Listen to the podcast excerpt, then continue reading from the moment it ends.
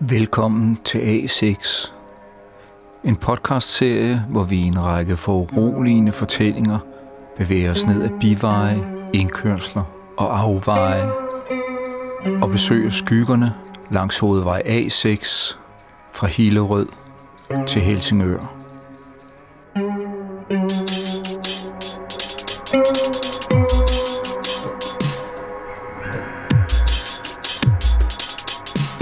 Traumet knuger offret i en hemmelig lænke. Denne lænke løses kun, når offret skildrer traumet for den bødel, der har påført offret traumet. Bødlen skal erkende og angre. Det er dog offers evne til at fremstille traumet for bødlen, der er vejen til angren og til offrets befrielse.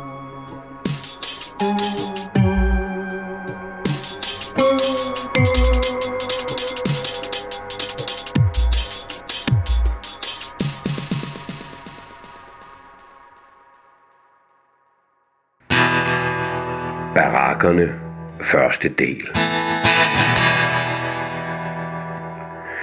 Jeg havde altid forestillet mig, at min barndom skulle forblive en hemmelighed, og min ungdom.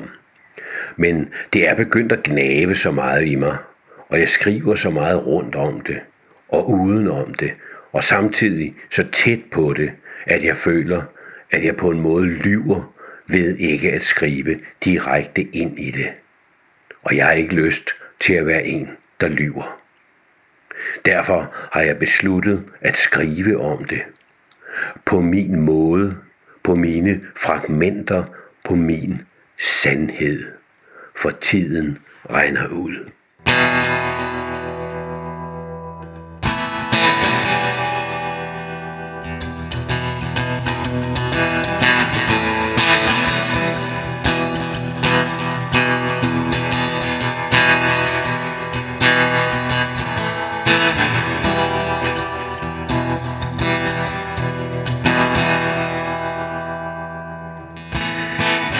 var født i barakkerne, og vi boede i anden barak. Jeg er født på en divan, der stod i stuen. Kort tid efter min fødsel tog min far min tvillingebror i benene og slyngede ham ind i en blodbøg, så han døde. Han gravede livet ned for foden af blodbøgen, så det ikke skulle blive opdaget. Da jeg lærte at gå, fulgte jeg min mor hen til blodbøgen, hvor hun sang en salme. Derpå vædede hun træets bark i øl. Mig gav hun saft, som jeg vædede træet med. Hverken min mor eller jeg drak øl eller saft, for hun sagde, at hvad vi drak, tog vi fra min bror. Når vi gik hjem, græd jeg.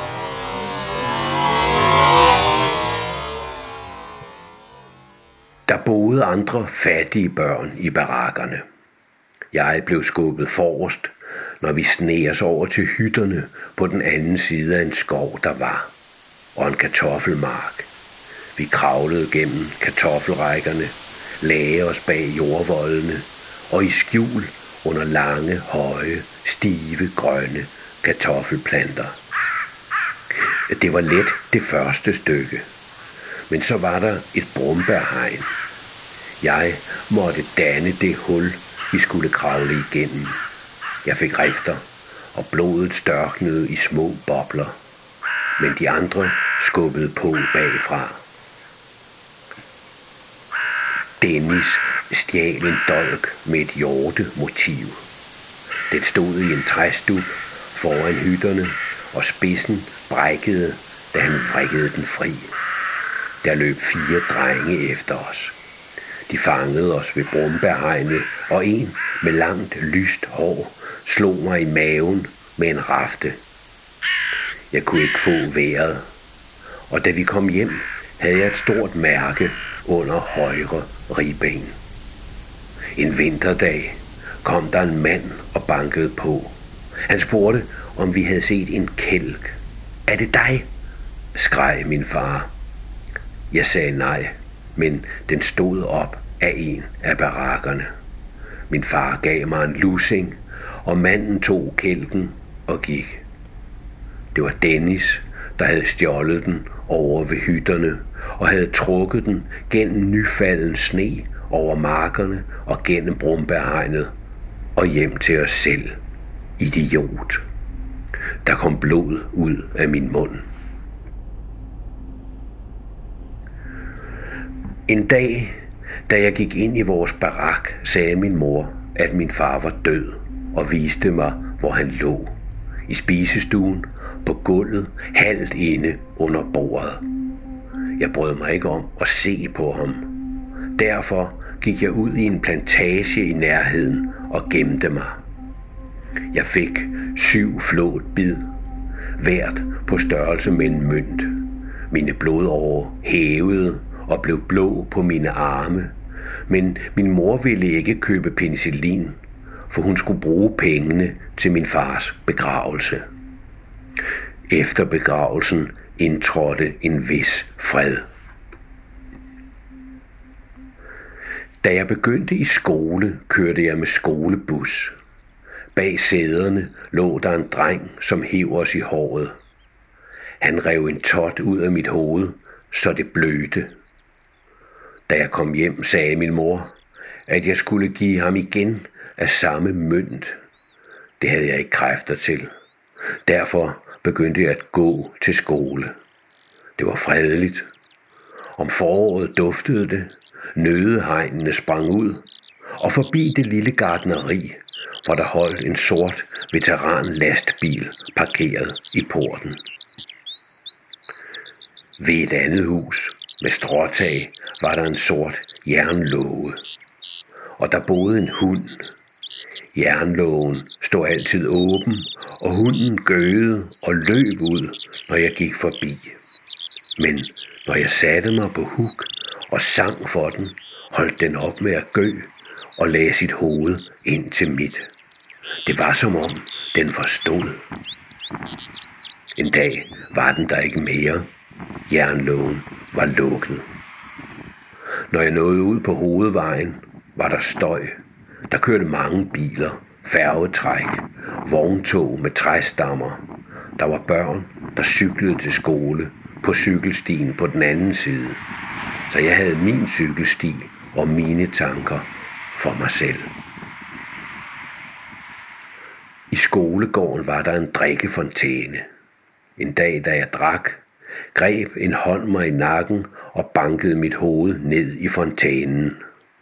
Jeg fik slået en fortand ud. Min mor havde ikke penge til at få den lavet.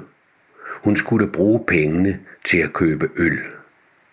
Øl holder dæmonerne væk, sagde hun. Jeg kan mærke kraniet, når jeg stikker tungen op i hullet. De tomme flasker lå i gangen. Min mor trak dem op til brusen i en trækvogn. Hun gik om på gavlen, når hun skulle aflevere flaskerne, og bagom ind. Der stod Brus Erik og ordnede sin knallert. Den var rød. Da min mor havde afleveret flaskerne, åbnede hun en øl og kyssede en af de mænd, der stod og drak. Derfor ville jeg ikke med i brusen mere. Der var en lærer, der hæv mig i øret, fordi jeg forsvarede mig mod en, der sparkede. Øret løsnede sig. Jeg sagde ikke noget, men der var nogen, der ringede til avisen. Fotografen fotograferede, at jeg viste øret frem. Man kunne ikke se noget. Dagen efter blev jeg kaldt flapører. En eftermiddag på vej hjem fra skole stansede jeg og kiggede ind på den sorte veteranlastbil. Gardneren så mig og spurgte, om jeg ville se lastbilen.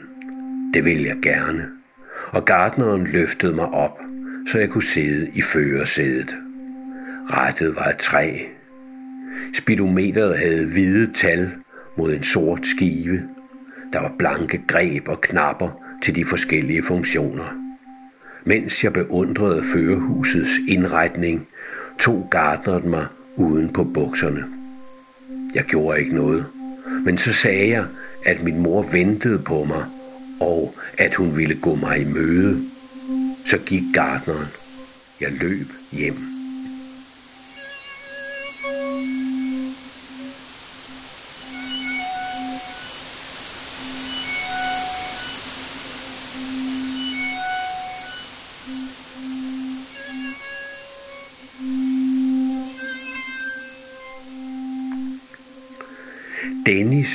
Tog for meget opium til sin konfirmation. Vi fandt ham ved en mose med lukkede øjne. Min mor plukkede valmuer, som hun kastede ud i mosen, og hun holdt op med at mindes min tvillingebror. Men jeg fortsatte. Jeg gik alene hen til blodbøgen. Jeg stod ganske stille. Der kom en pige gående. Hun var lyshåret. Hvad laver du? Sagde hun. Jeg svarede ikke. Så tog hun min hånd. Hun var varm. Jeg ved ikke, hvem hun var.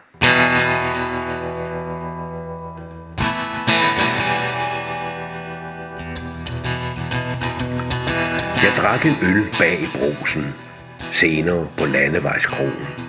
Der mødtes vi og spillede på jukeboxen.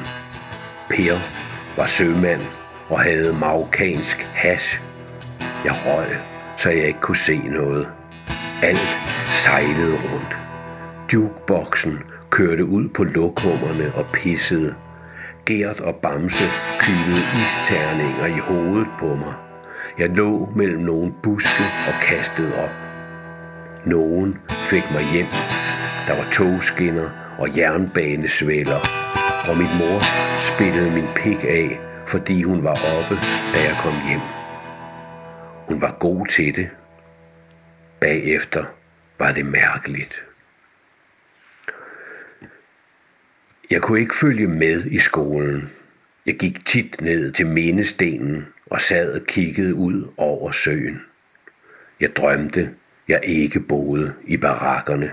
Jeg havde de lodrette røde brædder, der var rådne i bunden.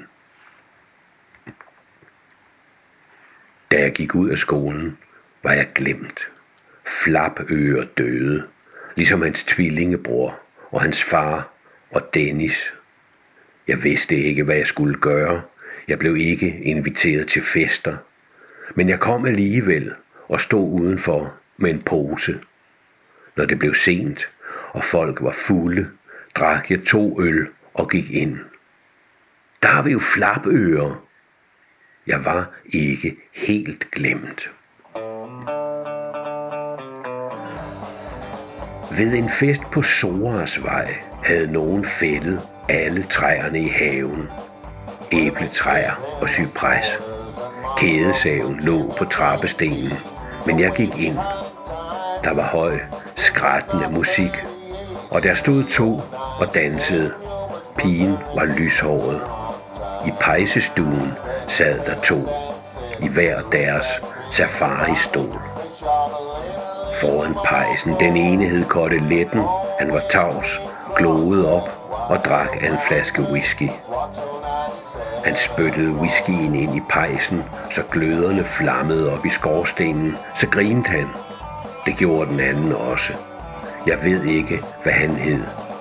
Måske Abe. Abe sad med en ostehøvl og skar skiver af en ost, som han åd.